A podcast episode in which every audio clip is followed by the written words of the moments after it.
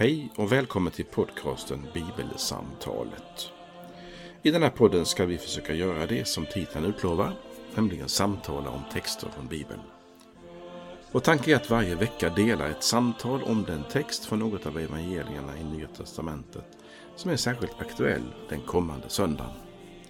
Fokus är just samtalet. Kanske kan det inspirera fler till att samtala om bibeltexter. Välkommen att vara med i samtalet på något sätt. Vi som gör den här podden det är Fredrik Borglin, kommunister i Istorps pastorat och Karl Magnus Adrian, präst bland annat tidigare i just Istorps pastorat. Välkommen att vara med. Vårt samtal idag utgår ifrån fastlagssöndagens budskap. Och det handlar först om evangelietexten från Lukas 18. Och så kan det hända också att vi berör någon annan text denna söndag. Men jag ska börja med att läsa från Lukas kapitel 18, vers 31 och följande.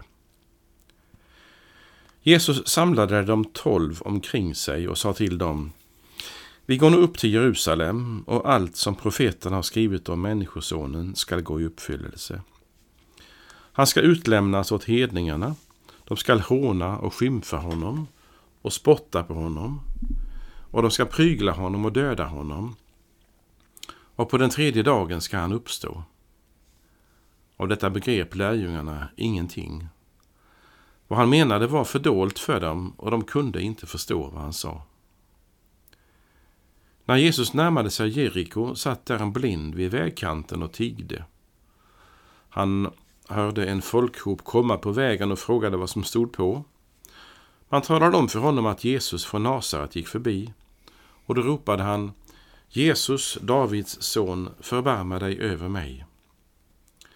De som gick främst sa åt honom att vara tyst, men han ropade ännu högre. Davids son, förbarma dig över mig. Jesus stannade och sa till dem att leda fram honom.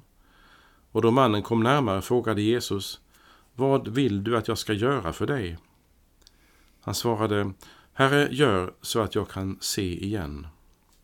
Jesus sa, Du kan se igen. Din tro har hjälpt dig.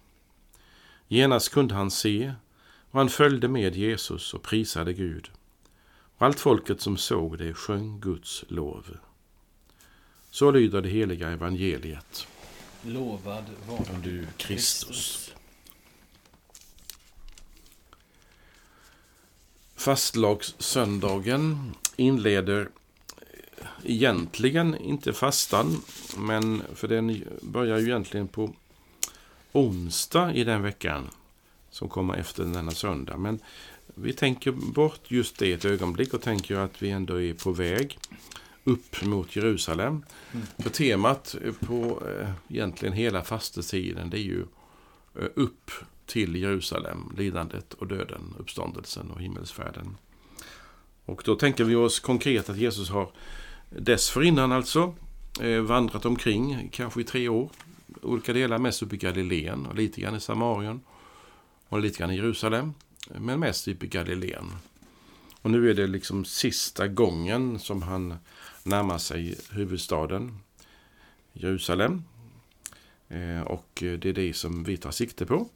Det vill säga det är inledningen på det som vi kan kalla för Jesu lidandes historia. Mm. Och då vet ju en del av er att vi har ju i psalmboken eh, när, efter texternas avslutning, alltså i psalmbokens avslutning när det gäller texter, har vi passionsgudstjänsttexter. Där man läser ibland i församlingarna något stycke varje vecka eller tar dem i klump under stilla veckan och läser man dem för att riktigt komma ihåg Jesu lidandet vandring upp till själva händelsen på långfredagen när vi firar korsfästelsen, begravningen, för att sen på påskdagen ta sikte på uppståndelsen.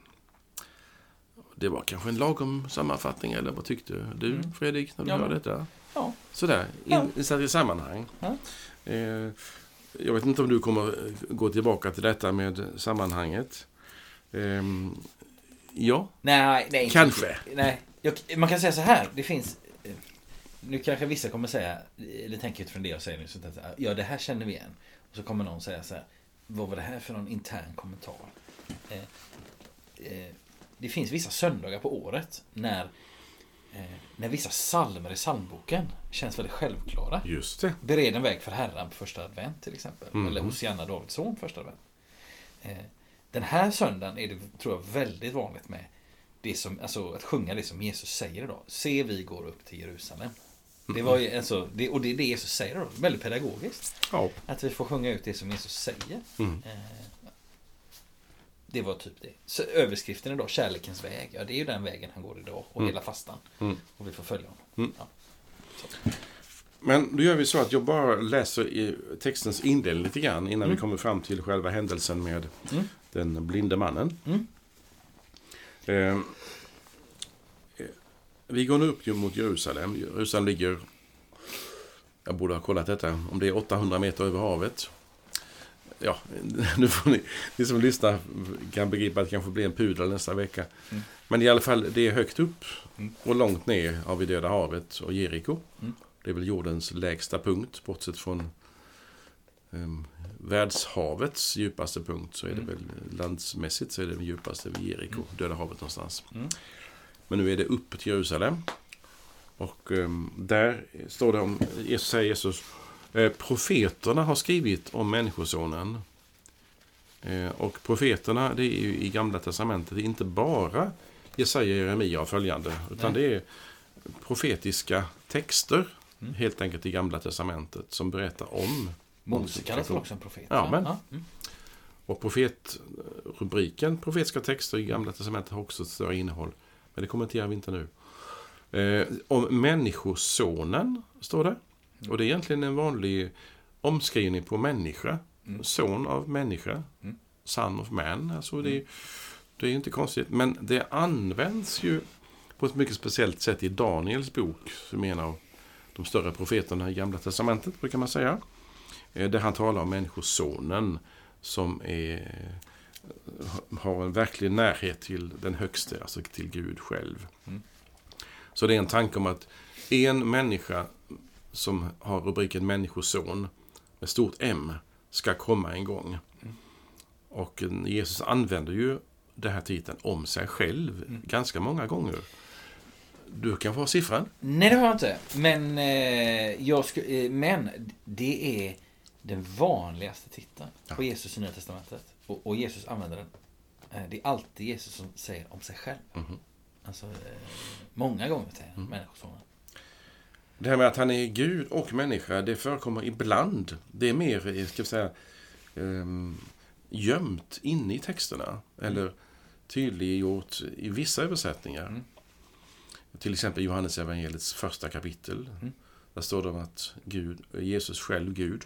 Mm. Och så vidare. Och ehm, ja, vi ska inte kommentera alla de ställena där det finns antydningar om att det är mer än en människa. Mm. Men poängen här är att det står inte, det står inte så här att allt som profeten har skrivit om människan, utan människosonen. Mm. Så titeln Människosonen har en laddning på Jesu tid. Som handlar om någon ska komma lite senare. Mm. Att vi väntar på någon som ska komma. Och den kallas ibland för Messias ju, som, med den vanligaste titeln om framtidens gestalt som ska Mm. göra så mycket gott och, och kasta ut romarna till exempel. Eller något sånt där. Så Människosonen är ingen neutral titel, så mycket kan vi säga. Nej, nej. Utan den pekar framåt mot den som ska Mm. komma. Kan vi säga så? Den, Mm. med stort D. Mm. Så står det, han skall utlämnas åt hedningarna. De skall håna och skymfa honom och spotta på honom, prygla honom och döda honom och på tredje dagen ska han uppstå. Eh, nu ska jag först ta det väldigt enkla så kan ju du borra lite djupare om du har lust. eh, Innan jag borrar. jo, utlämnas åt hedningarna. Mm. Alltså mot icke-judar. Mm. Så står det här i texten ju. Eh, jag ska bara ta en liten parentes som vi inte ska hamna i, hoppas jag, om inte du tar fasta på det mer. Ja. Vem var det som är, eller vilka är skyldiga till Jesu död? Mm. Det har varit en stor fråga ibland i kyrkans historia. Mm. Och där har man sagt att det är judarna. Mm. som är skyldiga till Jesu död och därför så drabbas de av lidandet. Läser man noggrant så upptäcker man, nej, nej, nej, kom inte här. Utan det är människan som är skyldig till Jesu död. Alltså, Mm. han kom till sina egna, det betyder inte bara judarna, Mm. och de tog inte emot honom. Utan alla övergav honom och flydde. Mm. Alla lämnade honom. Vi har till exempel när det gäller eh, Jesus sista vecka innan uppståndelsen, alltså innan han dö, dör, så är det ju eh, till exempel Kajafas som är en judisk ledare som har hand om förhören. Det är Hannas som har en del av förhören som också har en judisk påbrå. Och sen är det Pilatus som avkunnar dom- domen. Och det är romerska soldater som håller på att piska honom. Det är romerska soldater som korsfäster honom. Det är de som sticker upp sidan med ett spjut och så vidare. Eh, så att det är intressant att se att, att eh, hedningarna alltså, är också med kring detta med att han ska utlämnas till hedningarna. Vi skulle kunna säga han ska utlämnas till hedningarna och judarna. Mm. Alltså mänskligheten ska håna, skymfa, spotta, prygla och döda honom. Mm. Det tycker jag känns det okej, Mm, tycker mm, du, för, för Ja. ditt sätt att tänka. Ja, absolut. Och så står det, och på tredje dagen ska han uppstå. Det är budskapet Jesus sammanför väldigt kort i en mening här. Mm.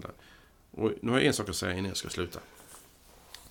Av detta begrep lärjungarna ingenting. Jag tycker om sådana meningar, Ja. det vet du. Mm. Alltså detta med att eh, de som sitter på första paket borde fatta och begripa. Svar, nej det gör de inte. Nej. Jag tycker det är väldigt hälsosamt. För det första är det gott att tänka att för mig, för dig Fredrik och för Mm. den som lyssnar. Begriper du ingenting så är du i gott sällskap. Alltså du kan slappna av. Det finns många före dig och mig som inte har fattat vad det handlar om. Och tänk bara när du upptäcker någonting i livet lite senare än på din första födelsedag. Mm. Varför har du inte upptäckt det innan? Mm. Har du levt i 20 år och begripit att Jesus är frälsare? Har du inte, upptäckt Jesus förrän du är 65? Hallå? Nej, så kan det vara. Mm. Alltså det, det är inte något... Det är inget... um, Man ska inte liksom lyssna på sig själv. Åh, jag borde förstått det här innan. När lärjungarna har inte fattat detta. Och då vill jag gärna fråga dig som har bättre kontroll på sammanhanget, brukar du ha i alla fall än jag. Eh, när under de här möjligen tre åren som Jesus är verksam, tror du det här utspelar sig? Vad skulle du säga? Med, med ditt- vad, vad utspelar sig? när utspelar sig denna texten? Är det efter tre år? Ja, det tänker jag att det är. Alltså, Ja. de är ju på väg upp till Jag vill Jerusalem. bara höra dig säga ja, det. Ja, absolut. Alltså tre år med närkontakt med Jesus. Ja. Och du hör en sammanfattad mening om att han ska utlämnas, Mm. hånas, skymfas, spottas på, pryglas, döda och uppstå. Mm. Och så säger de, vi fattar ingenting. Ja. Vad har de hållit på med? Ja. När Jesus har berättat för dem om, om sig och framtiden. Mm. Så jag menar, när folk inte fattar och inte kommer ihåg dina predikningar eller mina predikningar. Så kan vi inte säga, har jag inte sagt detta till er hundra gånger? Nej, vi fattar ingenting. Eller? Men Ja. jag tänker så här om detta. Alltså, eh, alla evangelister beskriver på olika sätt hur lärjungarna är. Liksom. De fattar inte. Eh, De kan inte förstå. Eh, De vill inte höra talas om. Alltså Petrus han till kan säga nej, nej, det, så ska det inte alls bli. Just det, det är också ett sätt att tackla. Tvärtom. Eh, ja. Eh, liksom mästra Jesus. Då får han ju också en väldigt kraftig respons. Det har vi pratat om en annan gång. Vill jag minnas Mhm. den texten. Eh, och, och eh, jag vill säga, av, av alla, om vi, skulle säga, om vi skulle samla ihop alla bibelställen i evangelierna eh, som handlar om lärjungarnas oförmåga att förstå vem Jesus är. Då skulle vi få ett, vi skulle få ganska många. Ja, ska vi få. Och jag skulle säga att vi skulle få ganska många som är tydliga. Eh, men liksom, de fattar inte. Mm. Eh, det var inte så här bara, de, de var, de, det var någon detalj de inte riktigt förstod. Utan det är ganska många som säger att nej, de fattar inte. Eh, men, eh, jag skulle ändå säga att det som Lukas skriver ut idag. Det, jag, jag läser igen bara så har vi det eh, hör vi igen. Av detta begrep lärjungarna ingenting. Vad han menade var fördolt för dem. Och de kunde inte förstå vad han sa. Det är väldigt starkt. Eh, de var helt, det var, det var något liksom, det, det var, de var helt oförmögna. Det spelar ingen roll. Alltså det kunde, han kunde ha hållit på i tre år till. Det, det, här, det här kan vi fiska i det vattnet, va? Ja, det kan vi gärna göra. Mycket roligt. Eh, Alltså det, det är så, något så vansinnigt fördolt för dem. Och då tror jag... eh, Kära vänner, nu kommer förklaringen. Nej, just det. Så lyssna nu för jag kommer också... Det här förväntar jag mig att ni kommer ihåg. Nej, Nej men... För jag tänker så här. Det skulle vara spännande. Det här är ju kunskap som vi inte kan få riktigt. Vi, kan, vi kanske kan skrapa lite på ytan. Vi kan inte få djup kunskap om. Vad var lärjungarnas föresatser? Vad, liksom, vad var... Eh, för jag tänker, vi människor, vi har ibland bilder av hur det ska vara med, vissa saker. Och är vi till, har vi borrat oss tillräckligt långt ner i det, om hur det ska vara, kan ju vara något så enkelt som hur ska det, hur ska det vara på julafton? När ska man öppna paketen? Typ. Mm. Enkelt exempel. Ja, var. Traditionstyngt sammanhang. Eller hur ska det vara på midsommarafton? Mm. Och så blev det inte så. Och så blir det inte så. Nej. Och, och då kan, då tänker jag så här, då är vi människor alla, jag också.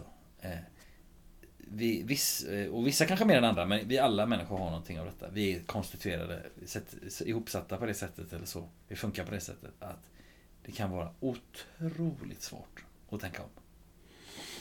Eh, och då, eh, alltså, nej men vi har ju sagt att, vi har ju bestämt att Mm.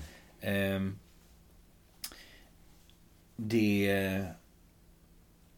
Och jag, jag tänker att eh, för mig så, blir, så är det liksom det, det första jag går till när jag försöker förstå.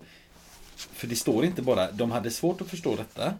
Utan det står, de begrep ingenting. Det var fördolt för dem. De kunde inte förstå.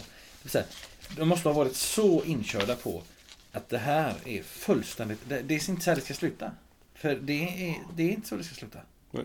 För så, så jobbar inte Gud. Nej. Han låter sig inte förnedras. Han kommer med pang, liksom. Mm.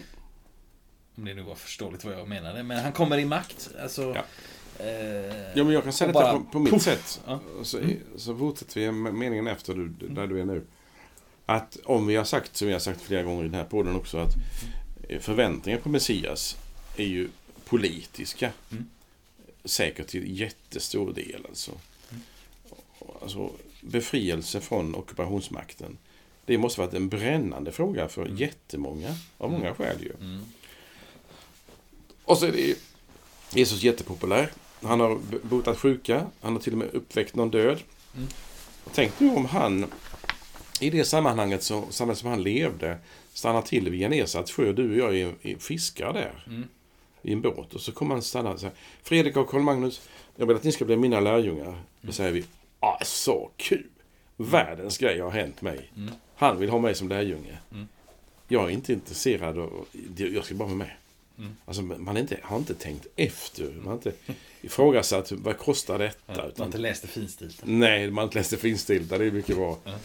Och sen då när han talar så mycket om, att, om det mäktiga han kan göra. Och, och folk är så jätteimponerade av Jesus. Han är populär och så. Mm. Det är ju världens grej för egot, det här. Mm. Och så kommer han och säger att han ska lida och dö. Mm. Det stör ju mig fruktansvärt Mm. att den som jag har satsat på inte är den här befriaren som jag hoppats på. Nej. Om jag är kristen så ska jag väl vara frisk åtminstone 300 dagar av året. Det är det minsta jag kan begära av Jesus. Va? Mm. Alltså, man måste, ha, man måste ha någon vinst, man måste tjäna på det. Mm. Jag ska vara med, och jag blir stor, jag blir, Mm. får med på segrarsidan. Och så säger han att han ska lida och dö. Mm. Ja, jag bara säger, repeterar egentligen den. Mm. Men du, jag vill gå till den, andra, den här meningen du höll på med sist. Eh, För jag är inte färdig med det, men jag ska bara Ja. ta vad jag, tänk, vad, vad jag skulle vilja säga. Ja. Så kan du, för du sitter som om du vill säga mening först. Ja, det gör jag. Mm. Men, Du sa så här. Ja. Du läste mening två. Nu förstår ni som lyssnar inte vad jag menar. Först står det så här, efter Jesu undervisning, eller när han berättar vad som ska ske honom. Av detta begrep lärjungarna ingenting. Mm. Det var det jag sa. Mm. Sen kom du och, och la till med ditt ord. Vad han menade var fördolt för dem. De kunde, du betonade ordet, inte förstå. Mm. Eh, och då har jag ju den frågan som jag gärna funderar på. Mm. Det vill säga, varför kan de inte förstå? Inte bara, de är dumma i huvudet. Mm. Eller, ah, de, en vecka till med Jesus. Och så Nej. sa du, nej, tre år till. De hade inte fattat det fortfarande. Mm. Vad är det som är spärren? Jag återkommer till det. Det är liksom en cliffhanger här. Mm, mm. Varsågod. Ehm, jag tycker det var intressant att du förde in, nu backar jag tillbaka steg då. Jag tycker det var intressant att du förde in det här. Eh, alltså det handlar om de, så tänker jag, de har, de har sina föresatser kring eh, sån här är Gud. Och om Gud blir människa, då måste det betyda pang, romarna åker ut, vi blir eh, liksom, vi får upprättelse och så vidare. Men sen förde du in, vilket jag tycker var väldigt intressant, så förde du in detta jag får vara med, jag ska bli stor, jag ska få se grejer, jag ska få sitta eh, till höger och vänster, vill ju Jakob och Johannes. Mm-mm. Eh, liksom, kan inte vi få sitta till höger och vänster? Det vill säga, det är inte bara det att om Gud nu blir människa så borde det hända stora grejer. Det borde inte sluta i förnedring och lidande. Mm. Utan också eftersom jag är med, eller liksom, Mm. då ska ju också jag, alltså det handlar inte bara om detta som du säger Jesus är ologiskt, för Mm. du är ju Gud själv eller så. Eh, utan också, men hallå, ja, jag Ja. ska ju få en vinst av detta. Mm. Så det, jag är tacksam för att du förde in det. Eh, eh, och sen så tänker jag så här. Eh, alltså människor idag, lärjungarna var vanliga människor precis som vi. Eh, vi är varken klipskare eller dummare än, än, än lärjungarna. Eh, varken, inte någon människa. Eh, det här är ju också svårt att ta in. Det är ju. Alltså det är ju liksom, vi vänder upp och ner på detta. Eh, vi pratade om Eh, vad var det? Det var någon text vi läste för länge sedan. Jo men, det, jo, men det var ju i samband med julen. Det här liksom att eh, Det är bisarrt, eller det var absurt vet jag vi pratade om begreppet. Mm. Det, det är absurt att Gud blir, låter sig födas som, en, som ett litet barn. Mm. Och, och Maria bejakar detta i sin lovsång. Alltså, härskare störtade från deras tron och så vidare. Det är också absurt att när Gud nu har blivit människa, att han också låter sig förnedras på detta sättet. Mm. Eh,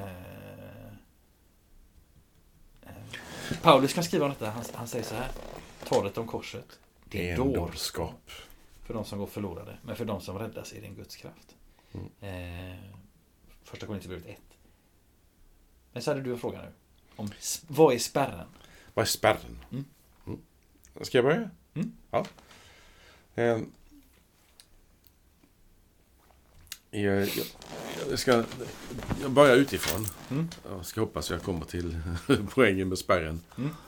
Ehm, om vi funderar på saker och ting som vi inte begriper i allmänhet. Mm. Vi kan ta... Ja, om, eftersom vi, är, vi, är en, vi håller på med bibeltexter om kyrkan. Det är ju, vår podd har ju sin liksom, plats där kan man säga. Det vill säga utgångspunkten där i alla fall.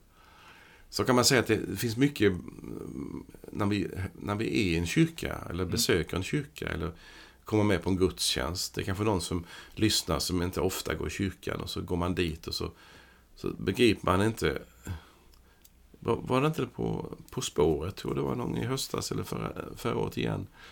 Så hade de en fråga på vad betyder det om det står en stjärna framför en psalm i psalmboken. Vad betyder det? Och då var det två stycken vuxna personer som inte visste det. Mm. Eh, om vi går 40 år tillbaka, 30 år tillbaka, så hade alla vetat vad en stjärna betyder framför en psalm. Mm. Det vet vi inte.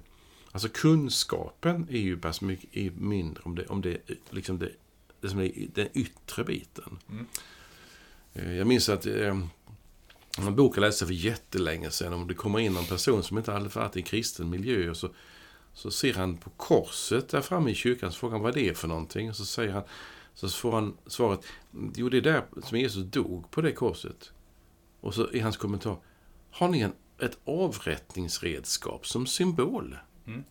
Jag fattar ingenting. Det vill säga, det finns mängder av saker och ting i kyrkan och i bibeltexten naturligtvis som vi inte fattar någonting av. Mm. Eh, och den typen av okunnighet kan man säga, den kan ju botas med lite kunskap. Eller hur? Med lite input. Läs en bok så fattar du vad det handlar om. Och det är ju en del av kunskapsbristen. Men det tror inte jag är den, den allvarliga biten. Mm. Utan lärjungarna, vi, tycker jag, de, de, kan, de finns i kategorin de vet saker och ting. Mm. De kan den judiska religionen. De kan säkert bibeltexterna ganska mycket. De har hört Jesu undervisning. Alltså de har en enorm kunskapsbank med sig. Och de fattar ändå inte. Så att jag vill skilja på två typer av kunskap. Dels det som Slå upp Wikipedia. Mm. Läs. Så, ja visst, intressant. Och då kommer ju följdfrågan när de har läst några stycken på Wikipedia om kristen tro kanske, eller om korsdöd eller försoning. Och så kanske jag får frågan efter det. Nu hittar jag på någonting. Jaha, Karl Magnus. Vad är det för vits med det då? Jag fattar nu vad du berättar om. Vad är det för vits med det då? Mm. Alltså poängen med allting fattar jag ju inte. Fast jag kan, kan runt omkring. Mm.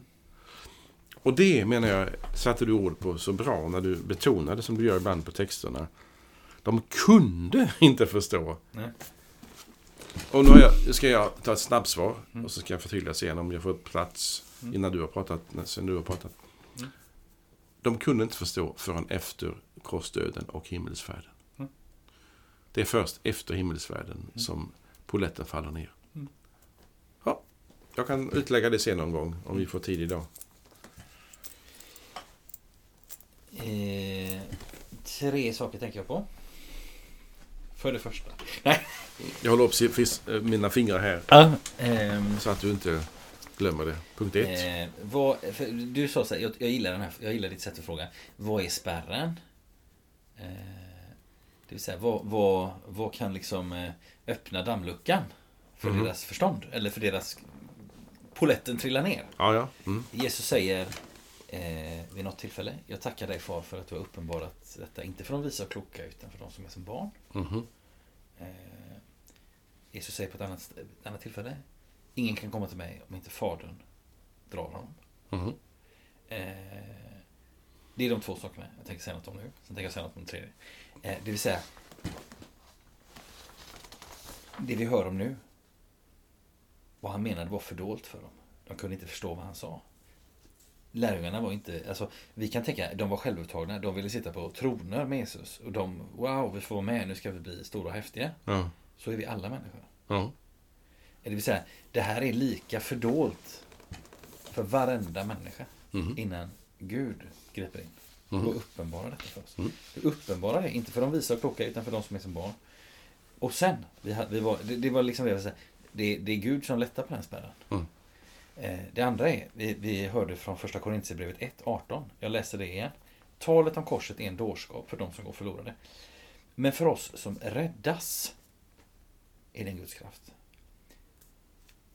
Hur aktiv är man när man räddas? Inte alls. Man är inte alls aktiv. Eller så. Om jag, är, om jag simmar ute på Stora Hålletsjön här, som är ju ganska stor ändå. Mm, mm, mm. Och så bara, jag får kramp. Eh, Carl Magnus kommer i en helikopter. Ja, Jag simmar som en ubåt. Ja, okej. ja. Nej, men vi ser att du kommer som en helikopter. Det, och, och firar ner någon vän till oss i en Ja. sele.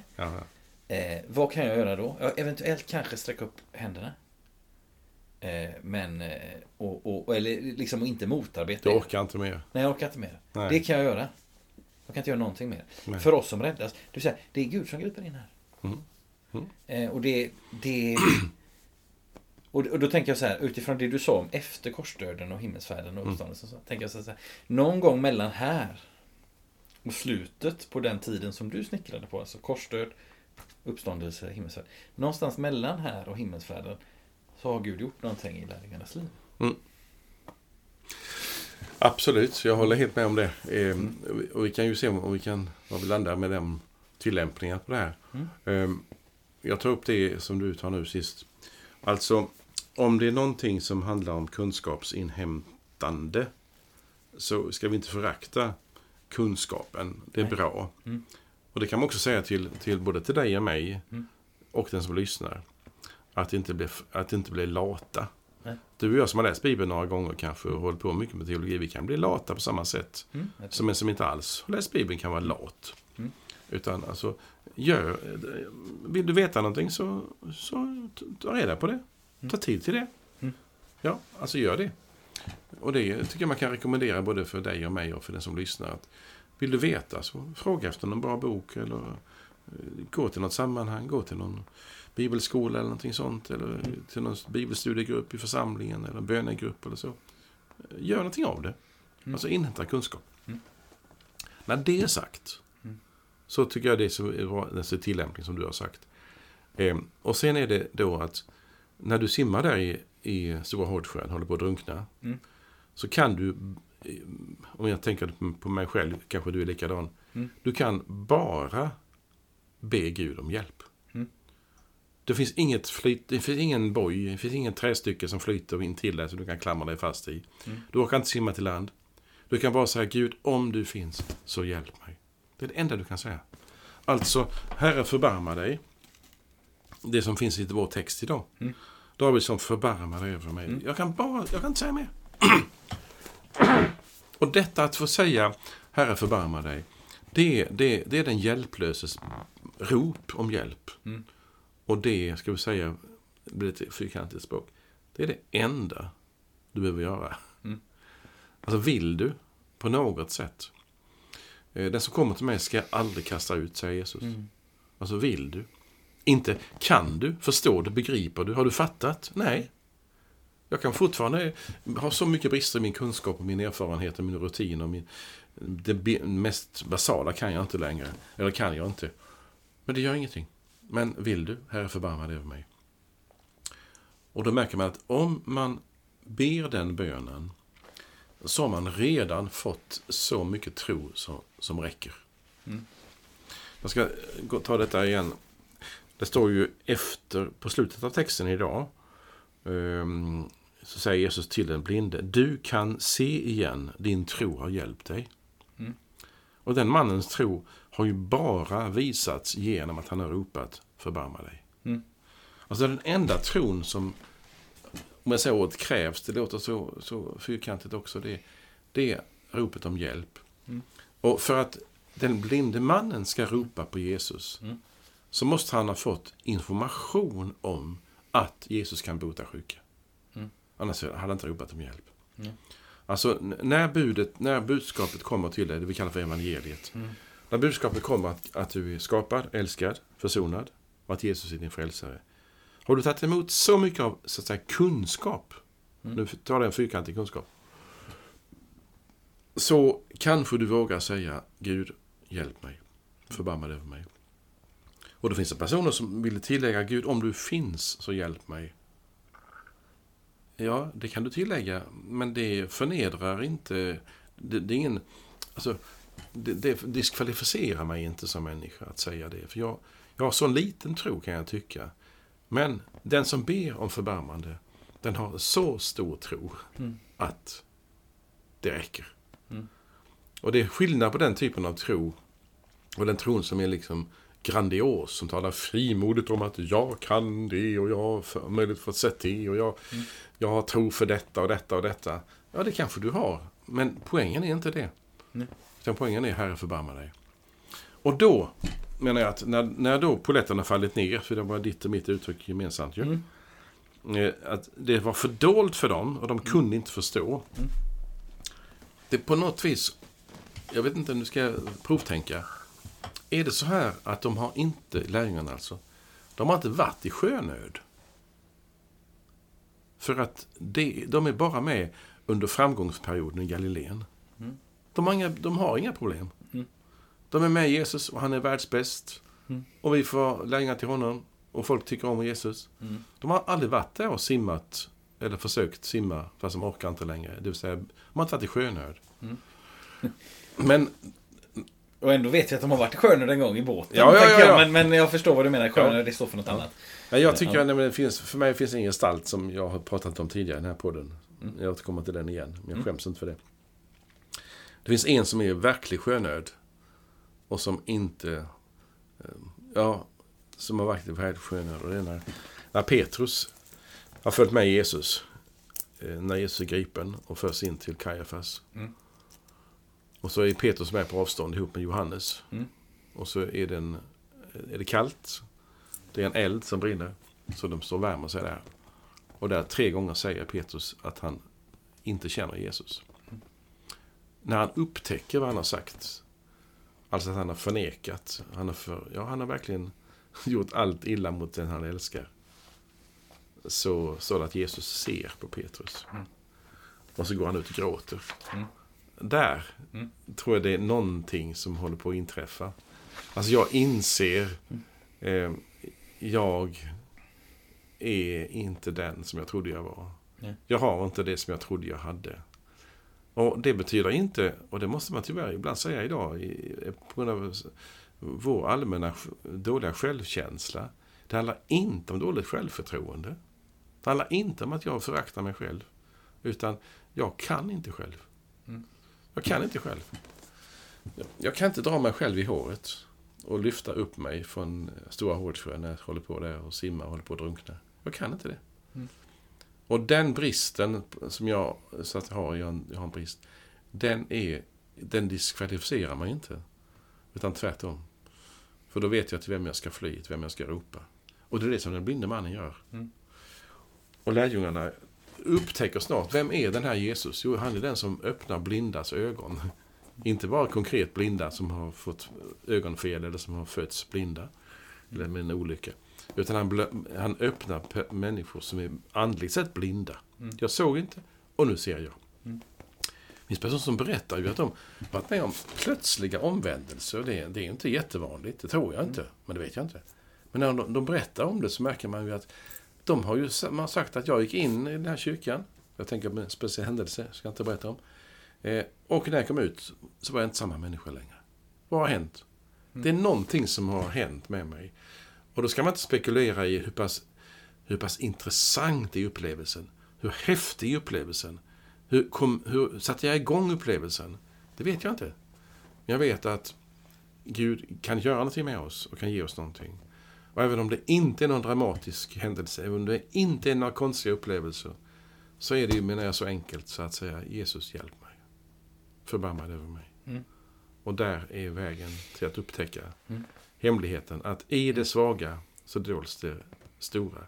Mm. I lidandet Mm. dol- döljs redan Jesus seger. Mm. I min egen smärta dol- döljs redan den härlighet som, som är utlovad till mig. Mm. I, eh, I det som är kan man säga del två i texten idag så har vi ju grunden för ett moment i gudstjänsten. Mhm. Kyrie eleison. Eh, Oh. Säger ju, eller det, ja, han säger ju, det betyder ju Herre förbarma dig. Eh, alltså det här hjälpropet finns också i, i gudstjänsten. Mhm. Eh, och jag, jag, kommer att tänka, jag kommer att tänka så här. Det finns många moment i gudstjänsten som liksom är hämtade från ett bibliskt sammanhang. Liksom. Vi kan sjunga ära, i- ära åt Gud i höjden och det är på julnatten. Alltså sådär va. Mm. Eh, Det här, eh, om man firar gudstjänst i Svenska kyrkan eller så där, har varit där eller gör det ofta eller så. Alltså, då tror man känner igen detta. Att vi ropar Herre förbarma dig. Och det kommer härifrån. Och då är det inte bara så här, och det var ju några trevliga ord man kunde säga. Liksom. Mm. Så det, det tyckte vi var lite mysigt och fogade in. Utan det, jag, jag tänker att det finns jag, jag skulle vilja dra två växlar på detta. Mhm. Får vi se om du frikopplar de växlarna sen eller hur du gör. Eh, det ena är att här ber den här mannen. Han ber om någonting. Han ber om hjälp med någonting.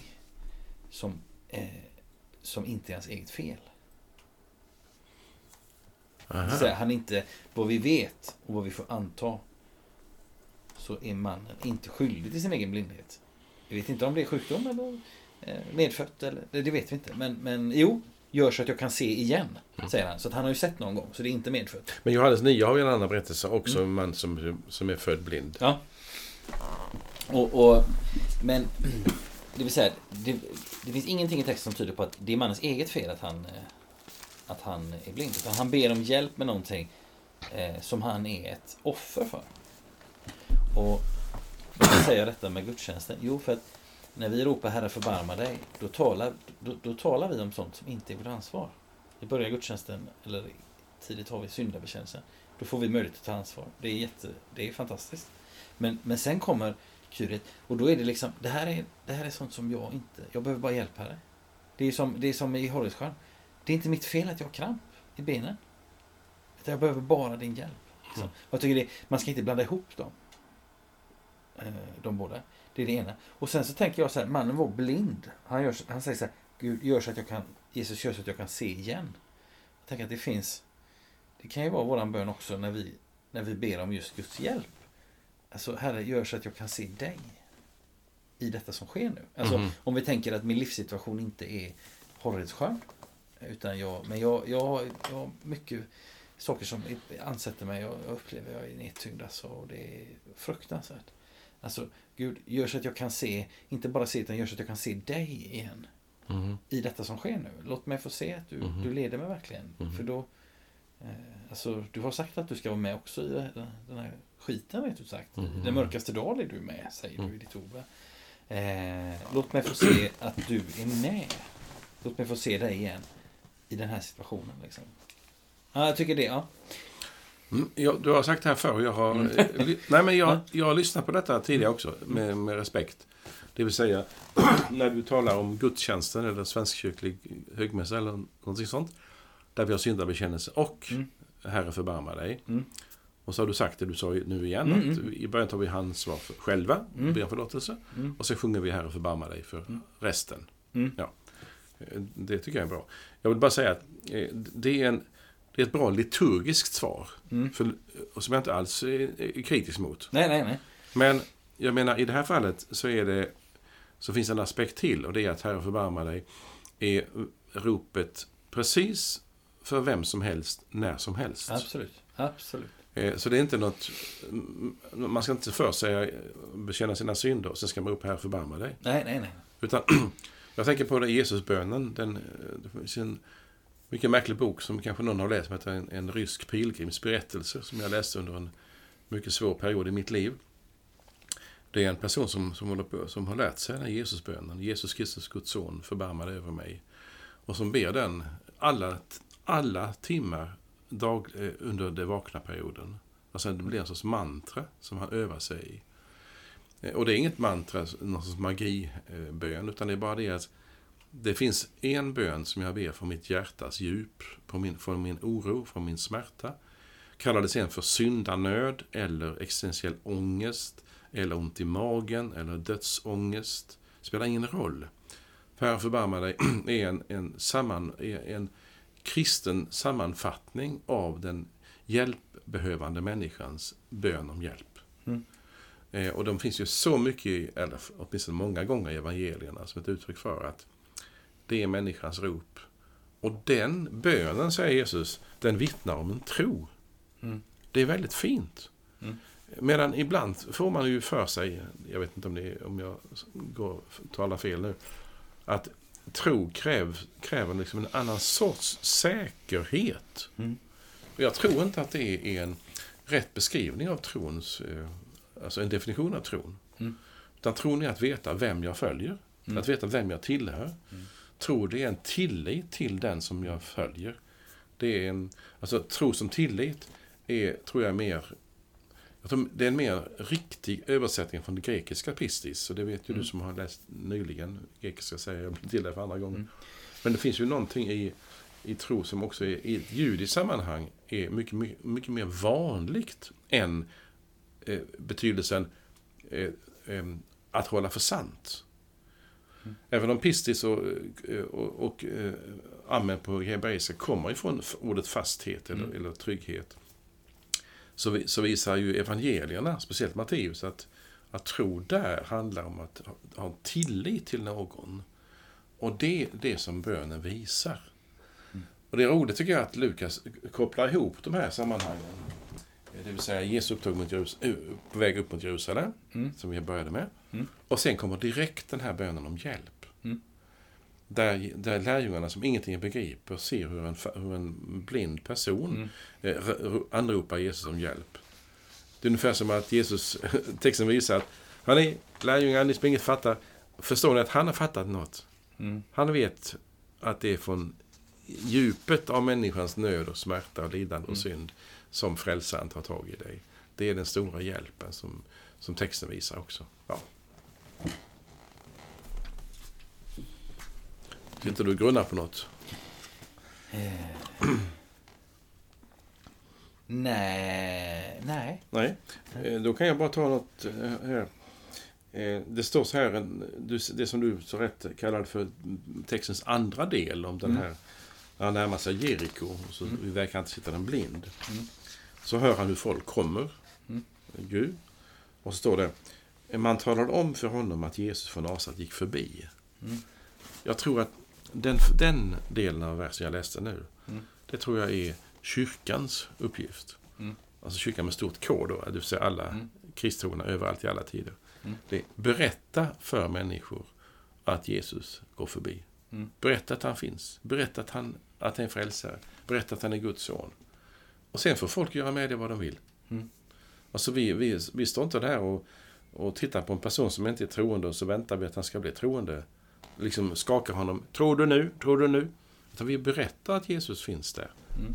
Och då, i det här fallet, så när mannen hör det, så ropar han förbarma dig över mig. Mm. Alltså, ibland är det så att kristen, eh, att vittnesbörd i kristen tro, det handlar om att berätta att. Inte exakt hur. Mm. Inte bara ge någon sorts detaljbeskrivning hur hur du går tillväga. Mm.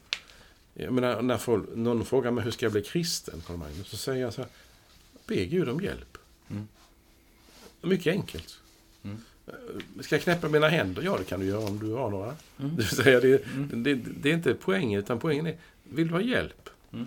Och där finns någonting som är väldigt stort. Och det hänger ju på ett sätt ihop med det här eh, som vi sa innan också. Att, alltså lärlingarna efter tre år, de fattar ingenting. Vad han menade var fördolt för dem. De kunde inte förstå det. Det är Gud som måste gripa in där. Och det, det kan hjälpa oss kanske då, utifrån det du säger, att vara frimodig. Vi, vi, vi, kan, eh, vi kan ju säkert vara pedagogiska ibland eller försöka få till en rolig bild för att säga något. Men, men det är Gud som måste göra undret.